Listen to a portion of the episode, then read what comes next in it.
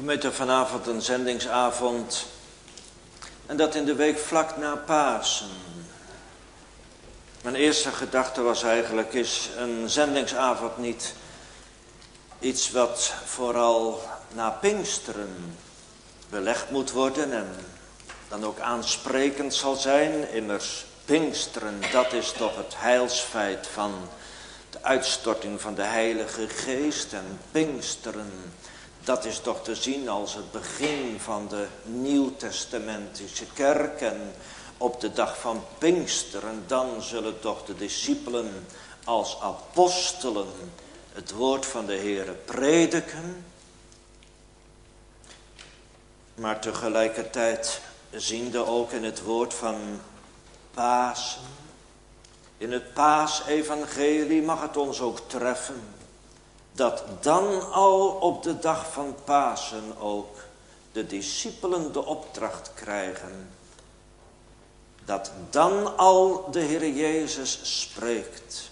Dat in zijn naam gepredikt moet worden bekering en vergeving der zonden onder alle volken, beginnende van Jeruzalem. Daarom willen we bij dat vers met name stilstaan. Predik het evangelie onder alle volken. Drie gedachten kort. In de eerste plaats, dat is naar de wil van God. In de tweede plaats, dat moet in de naam van Christus en in zijn naam. En ten derde, het kan alleen in de kracht van de Heilige Geest. We lezen verder dat ze moeten wachten totdat ze zullen aangedaan worden met kracht uit de hoogte. Vers 49 en dat ziet op de komst van de geest met Pinksteren. Dus predik het woord aan alle volken naar de wil van God. In de naam van Christus en in de kracht van de Heilige Geest. Het gaat over de discipelen vanavond.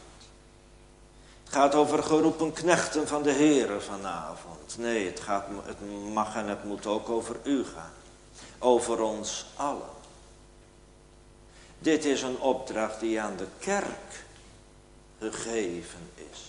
Die wel in het bijzonder inderdaad door de discipelen en door geroepen dienaren, daarna evangelisten, zendelingen, predikanten en ouderlingen enzovoort uitgedragen zal worden. Maar als geheel heeft ook de kerk deze opdracht gekregen. Het is al een hele tijd geleden dat wij als gezin daar eigenlijk op een wat een bijzondere manier bij bepaald werden. Ik meen dat het eind 1986, begin 1987 was ja inderdaad dat wij een verhuizing meemaakten en dat we kwamen te wonen in Barendrecht.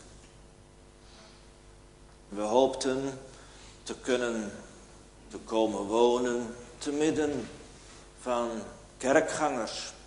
Hoopten dat er mensen uit die gemeente ook in onze straat zouden wonen. Maar dat bleek niet het geval. Zowel links als rechts naast ons hadden we buren die evangelisch waren. En ik herinner me nog goed dat in het kennismakingsgesprek met een van die buren iemand het zei toen wij zeiden dat wij christelijk waren en dat we naar de christelijke gereformeerde kerk zouden gaan. Dat toen gezegd, gevraagd werd, dragen jullie het ook uit? Dragen jullie het ook uit waar je naar leeft? Of, zo, vul ik dat, zo vulde ik dat dan voor mezelf in, houden jullie dat alleen voor jezelf? En draagt de kerk waartoe je behoort, draagt die het evangelie ook uit. De kerkgemeente heeft die taak om het woord van de Heere ook uit te dragen. En dat geldt niet alleen een dienaar. En dat geldt niet alleen een zendeling en een evangelist. En ik denk zeker met dat in toenemende mate ons land seculariseert, dat dat al de kerkgangers geldt. Dat het in het bijzonder hen geldt die de naam des Heeren ook vrezen. En we weten dat ook wel. En we weten dat ook wel. Dat mensen die de Heeren vrezen, ook in vroege tijden, die drang hadden en hebben gelukkig. Maar soms is het goed om daar extra het licht op te werpen. Dat het bijbels is. Dat de kerk lichtdrager is. Dat de kerk het heeft uit te dragen. Jazeker zijn het de discipelen die in dit geschriftgedeelte bijzonder aangesproken worden. Maar denk aan, ons, aan het ons dierbare beleidenisgeschrifte catechismus. Als daar gevraagd wordt wat het betekent om christen te zijn wat het betekent om door het geloof een lidmaat van Christus te zijn. Dat is een wonder als we dat mogen zijn. Zoals we dat hoorden uit het andere antwoord waarvan ik geloof een levend lidmaat te mogen zijn. Dan wordt er in zondag 12 op dat antwoord wat betekent het om een christen te zijn ook beleden dat wij alzo zijn Christus zalving deelachtig zijn, opdat wij zijn naam beleiden.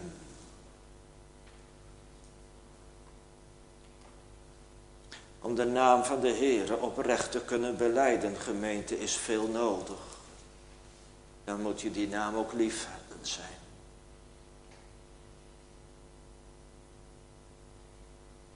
Om die naam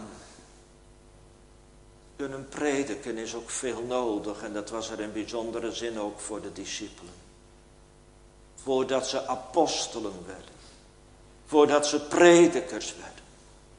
Voordat Paulus naar de Grieken kon. Voordat Petrus niet alleen tot de Joden in Jeruzalem zou kunnen spreken, maar ook tot anderen buiten de eigen grenzen was er veel nodig. De Heere ontmoet zijn discipelen in elf uur op de dag van Pasen. En u weet hoe ze daar zijn. Achter gesloten deuren, bevreesd voor de vijandschap die er heerst in Jeruzalem. Ontroerd, ontzet, in ongeloof, in, in nevelen nog gehuld. Ook al hebben ze de boodschap gehoord van de vrouwen. Ook al hebben ze, is Petrus alleen of met samen met Johannes. Lucas zegt, uh, spreekt alleen over, over dat hij van Simon gezien is. Maar we weten uit het evangelie van Johannes dat ze samen er ook naar het graf geweest zijn. En dat Johannes dan begon te geloven. Maar dat het met Petrus nog niet zo ver was. Wel dat hij zich verwonderde. Op de avond bezoekt Jezus hem als achter gesloten deuren zijn. En u ontmoet ze met uw bijzondere groet. Vrede zij uw lieden. En hij onderwijst hen. Hij gaat hen onderwijzen, net zoals hij ook de Emmausgangers heeft onderwezen, dat de Christus moest lijden en opstaan ten derde dagen. Alzo is er geschreven, zo zegt hij. Alzo staat het in het woord. En de Heere wijst in het bijzonder naar het woord, naar de wet van Mozes en de profeten en de psalmen. Zo wordt dat hier alleen in vers 44 zo genoemd. In drievoudige zin het Oude Testament. Dat is, dat is nu vervuld en wat de Heer dan in het bijzonder doet. Als daar die discipelen zijn. Als ze daar zijn in vrees. Als ze daar zijn in aarzeling van het geloven, misschien wel willen maar niet kunnen. Misschien er wel iets, iets van herinneren wat de Heer hen ooit gesproken heeft. Maar het is zo ver weggezakt. Wat hebben we dan nodig? Dan hebben we toch nodig dat de Heer voor ons het woord opent. En dat hij toegang vindt tot het hart met zijn geest. Met dat beide, met het woord en met de geest. Daar werkt Christus mee. Met eerbied gesproken. Dat moeten de discipelen als apostelen nu in zich laten gebeuren, opdat ze later ook met het woord zullen werken onder de bediening van de geest. Hij opent hun verstand. En hij verwijst hen naar het geschreven woord. En hij laat zien dat het sterven, maar ook het opstaan van de Heer Jezus Christus van hem, dat dat bij één hoort. En hij laat zijn opdracht horen. Het is naar de wil van God dat zij, als ze dit mogen verstaan, dat de Christus moest lijden en van de doden opstaan, ook gereed gemaakt zullen worden om het in zijn naam te gaan prediken, te verkondigen. Het is zijn opdracht. Maar dan moeten ze wel het woord voor hen geopend zijn. Anders zullen ze het niet kunnen brengen. Anders zouden ze misschien zelfs nog aan mee kunnen werken dat mensen die al verduisterd zijn in hun verstand van nature ook nog verkeerde begrippen zullen ontvangen als ze maar een halve of een verkeerde boodschap uit het woord krijgen, krijgen geëvangeliseerd. En hun verstand moet geopend. En ze moeten de schriften verstaan. De schriften in meervoud. Heel de schrift. En als we dan in onze gedachtengemeente een sprong maken naar zeven weken daarna.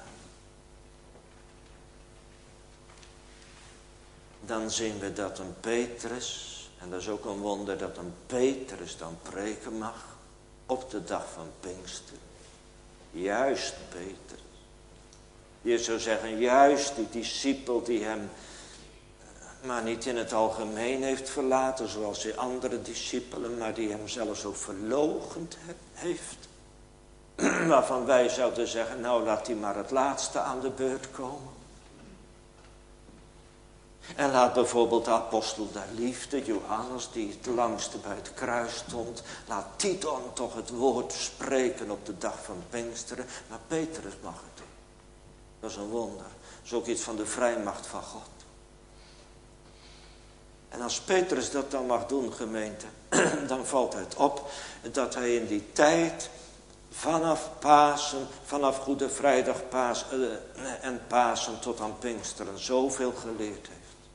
En dan zeg je, hoe is het mogelijk dat hij na die korte, relatief korte tijd van zeven weken dan zo krachtig het woord van de Heer mag prediken. Door de bediening van de geest die dan zeer krachtig werkt. En dat hij dan, hij die net zo goed als die andere tien discipelen, achter die gesloten deuren zat uit angst voor de Joden. Dat hij dan geen angst meer heeft. En dat is het dan duidelijk en krachtig toespreekt. Gij Joodse mannen. En in vers 22. Gij Israëlitische mannen. Hoort deze woorden. En daar lees ik dan de kern van zijn boodschap. De kern van de prediking op Pinksteren. Jezus de Nazarener, zegt hij, een man, een mens, van God onder u lieden betoond door krachten en wonderen en tekenen die God door hem gedaan heeft in het midden van u gelijk gij ook zelf weet, deze door de bepaalde raad en voorkennis Gods overgegeven zijnde hebt gij genomen en door de hand der onrechtvaardigen aan het kruis gehecht en gedood. Welke God opgewekt heeft, de smarten des doods ontbonden hebbende, alzo het niet mogelijk was dat hij van dezelfde dood gehouden zou worden. Dan zegt hij aan de ene kant, het is naar de bepaalde raad en voorkennis van God. Al wat met hem gebeurde. Als hij aan het kruising, maar ook als hij uit het graf kwam. God heeft hem daaruit verwekt. is naar de wil van God. Tegelijkertijd laat hij ook voelen. Gij gekruist hebt. Hun schuld. En als je dan dat hele, die hele prediking van Pinksteren op je in laat werken, dan gemeente, dan zeg je, Petrus heeft veel van de Heer Jezus geleerd. Zowel wat het persoonlijke kennen van, van de betekenis van het kruis, als ook van het lege graf voor hem betekent. Ook, ja je zou zeggen, wat de manier, wat de manier van aanspreken van mensen betreft. Van uitdragen van de boodschap betreft. Van het brengen van het evangelie. Want dan doet hij in vergelijking met de Heer Jezus net zo. Die de schriften opende. Voor de Emmausgangers. Voor de discipelen in vrees. Petrus zegt immers, wat er nu gebeurt op deze dag, weet wel, die vlam vuur zijn, spreken in talen en het geluid van die geweldige gedreven wind. Dat is al verkondigd door Joël. Zo werkt hij naar het hart van de prediking toe, de versen die ik net las. En als hij dan van de opstanding heeft verkondigd, dan zegt hij, en dat staat ook in de Bijbel. David heeft van hem getuigd, Psalm 16, Psalm 110. Ze kunnen het nagaan. Nu, daar ligt ook een voorbeeld in voor ons gemeente. Voor dienaren des woords. Dat ze het woord kennen en het woord daarin thuis zijn en bestuderen en openen. Het woord aan het woord laten. Ook als u een gesprek hebt. Misschien wel op de werkvloer, misschien wel in de kantine. Met iemand die nooit naar de kerk gaat. Of met iemand die wel eens heeft gehoord van Jezus en toen Jezus gelijk heeft aangenomen en denkt dat hij hem nu mag kennen en vrezen enzovoort. Het hele woord. Maar ook voor onszelf. Als het gaat om bekering en geloof, het zal alleen dageraad hebben als het naar het woord is. Petrus heeft veel van de Heere geleerd. Het moest geschieden. Het is naar de bepaalde raad en voorkennis van God. En dat moet, en dat benadrukt de Heer Jezus ook immers niet, in, eh, in het gedeelte dat we hebben gelezen. Als hij zegt dat het moest geschieden. En dan achter vers 46 staat er in onze vertaling terecht geen punt. Maar een punt komma. Zo moet het ook geschieden dat het woord uitgedragen moet worden. Alzo is er geschreven, alzo moest Christus lijden en opstaan, punt, komma. En zo moet er ook in zijn naam gepredikt worden. Dat is naar de wil van God. Of je voor de zending moet zijn of niet. Duidelijk ja. Of je ervoor moet zijn dat het woord uitgedragen moet worden, ja. Of je bekommerd moet zijn. Dat je buren die misschien nergens aan doen, ja. Ze hebben net zo goed als u en ik een ziel voor de eeuwigheid. God wil dat het woord bekend gemaakt wordt onder alle volken, beginnende van Jeruzalem. In zijn naam, zegt Jezus. In zijn naam gepredikt zal worden bekering en vergeving. Het hoeft niet in eigen naam. Mag niet in eigen naam. Hoeft niet in eigen kracht. Hoe zou het kunnen? Hoe zouden we durven? Maar het mag in zijn naam in zijn kracht, op zijn gezag, opdat het koninkrijk van God komen, opdat er mensen worden toegebracht.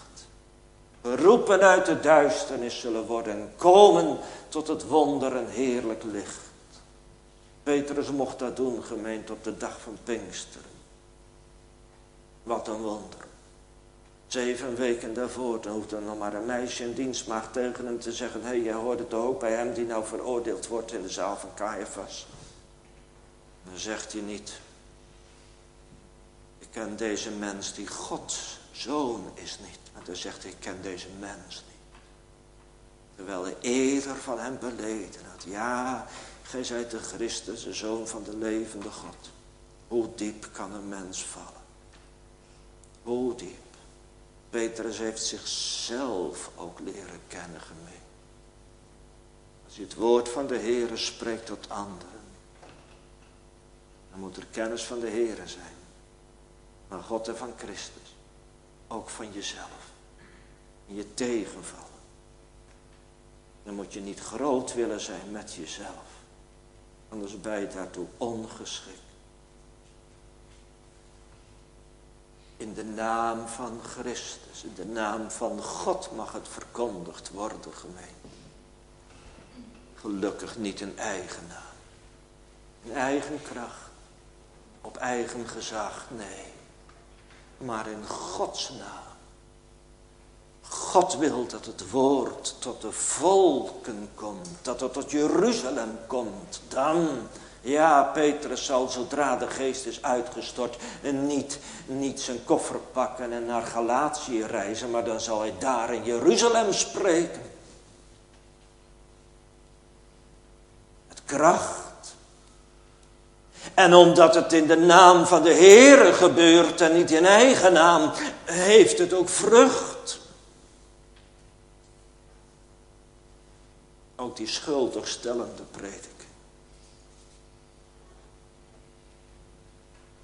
die gij gekruist hebt, u verworpen hebt, de van God gegeven zoon en zaligmaker.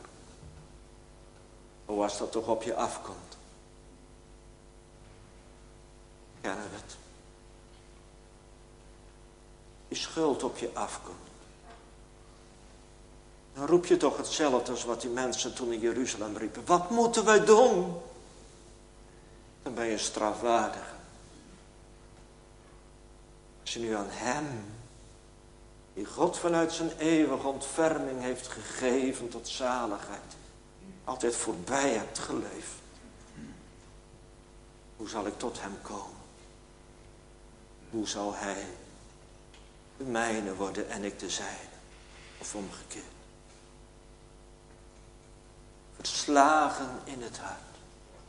Dat werden de luisteraars op Pinkster. De gemeente, dat wil niet zeggen dat ze neerslachtig werden of dat ze depressief werden. Verslagen hart, dat is in de Bijbel een hart dat uitgevochten is tegenover de Heer. Een verslagene in zijn gedachten, dat is iemand die niet meer strijdt in zijn gedachten tegen de Heer. Maar die het God gewonnen geeft.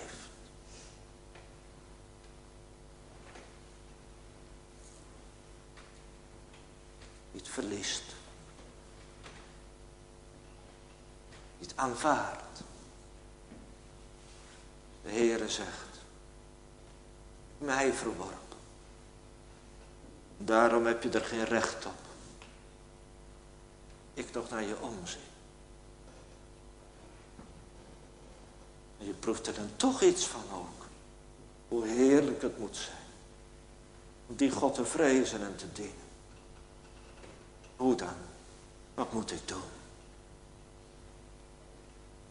En Petrus, hij geeft antwoord op die vraag.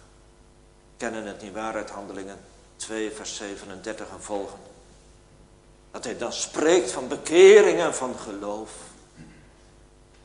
Bekeert u. En wordt gedoopt. En dat is na het geloof. Dus gelooft in de naam van Jezus Christus tot vergeving der zonden. En dat is gemeente precies datgene wat de Heer Jezus hier opdraagt op de dag van Paas.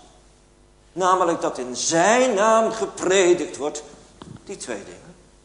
Bekering en vergeving der zonden. Onder alle volkeren die daar zijn in Jeruzalem. Beginnende van Jeruzalem, beginnende tot de Joden, maar ook vervolgens dat die boodschap gaat tot de volkeren buiten Israël.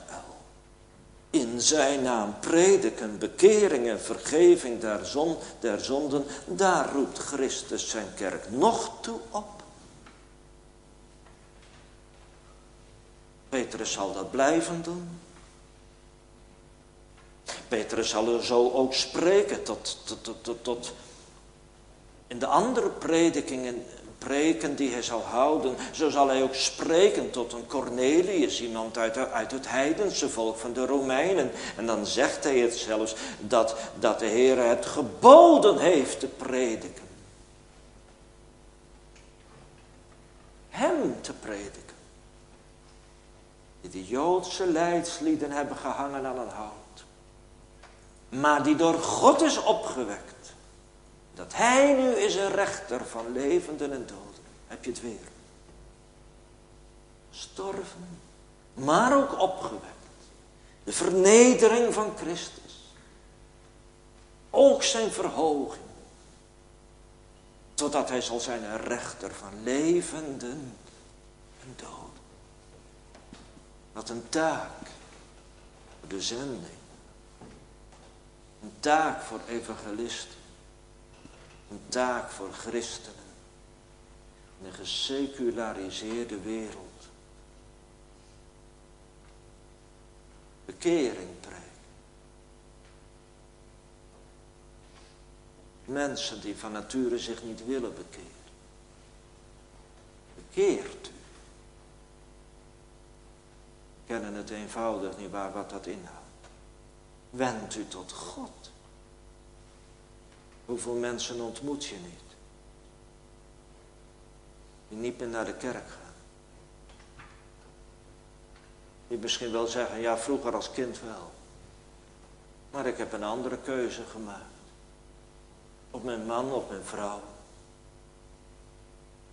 Dit nergens aan. En we hebben samen een goed en een gelukkig leven. We hebben God niet nodig. Bekeert u. Durven we te zeggen. Je moet je leven bekeren. Je moet je echt op God richten. God is, leeft werkelijk. En je kunt niet zonder God gelukkig zijn. Dat je wijst op de dingen die niet zijn naar het woord. Aantoont wat zonde is. Waarvan men terug moet komen zich moet veranderen, die zonden beleiden. Maar ook het geloof prediken. Als nodig. Om te kunnen geloven. Om erbij te kunnen dat de Heere je de zonden vergeeft. Wat een taak gemeend. Geldt voor de mensen in Siberië. Die grote wagens door de sneeuw en door de steppen. Wat een taak in Afrika. Een taak wereldwijd. Een taak heden ten dagen in moslimlanden. Ze misschien, wie zal het zeggen? Vorige week las ik ergens zo'n gedachte. Dat het misschien juist zou kunnen. Dat naarmate gematigde moslims zien dat toch in de naam van Allah zulke gewelddadigheden plaats grijpt. Dat ze bij zichzelf zullen gaan afvragen. Is dit wel de ware religie? Wie kan Gods wegen doorgronden? Hebt u gebed voor zulke mensen? En ook voor de extremisten.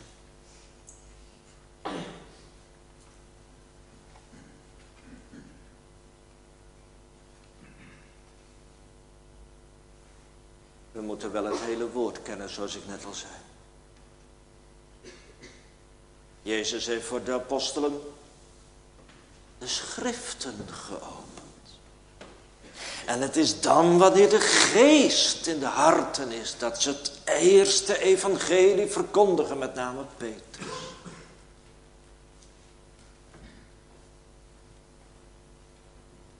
We kunnen ook een woord nodig. Het kan ook nodig zijn een woord te spreken tot evangelische buren. Sta je wel in de kennis van het hele woord? Ik weet nog dat een van de buren toen zei, nou Romeinen 9, dat scheur ik uit mijn blad, uit mijn, mijn Bijbel. Versta je de, verstaat u de hele schrift? Het is ook nodig dat we onze kerkgeschiedenis kennen.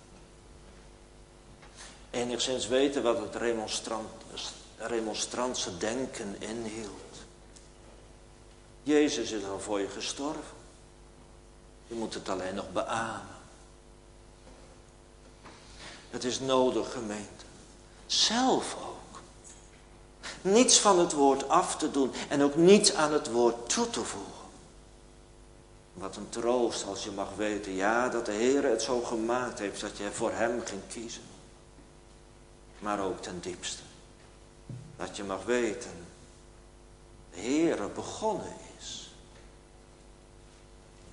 Want als Hij begonnen is, dan zal Hij het ook voleindigen.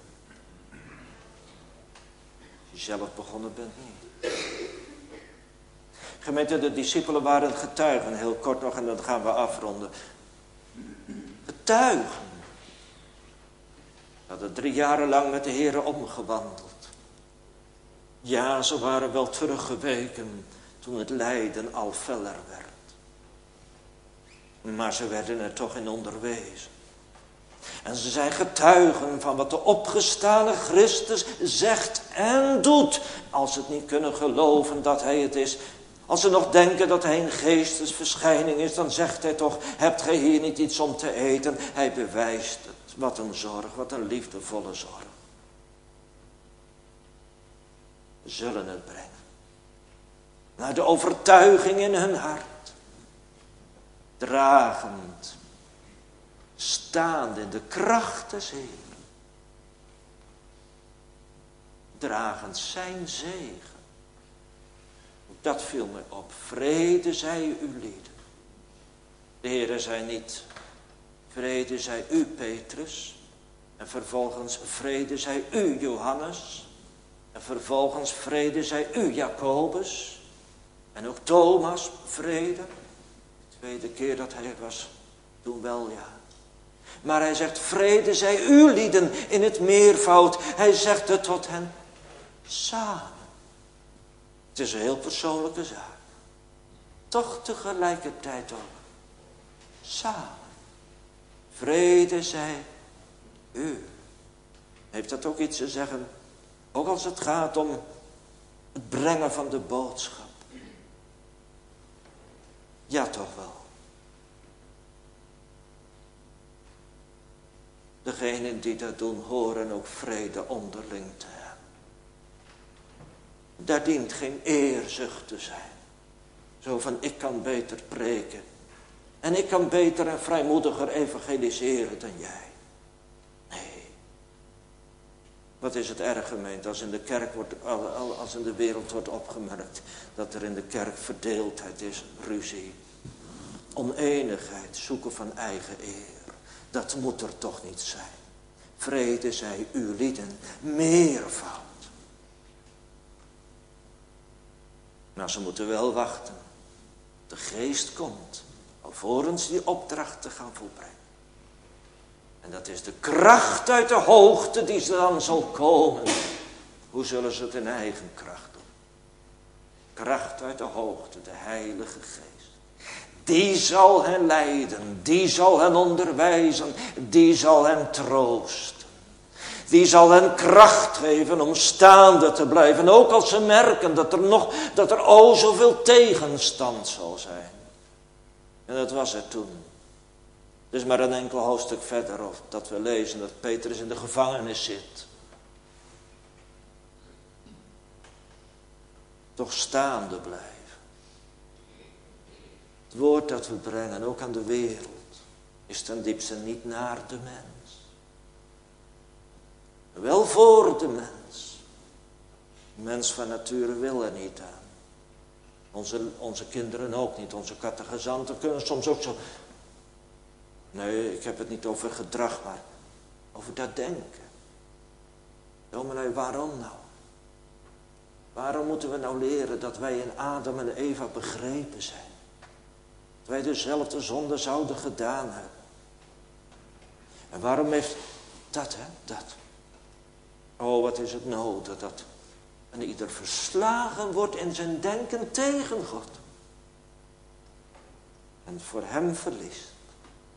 Ingewonnen wordt. Ook een wereldsmens.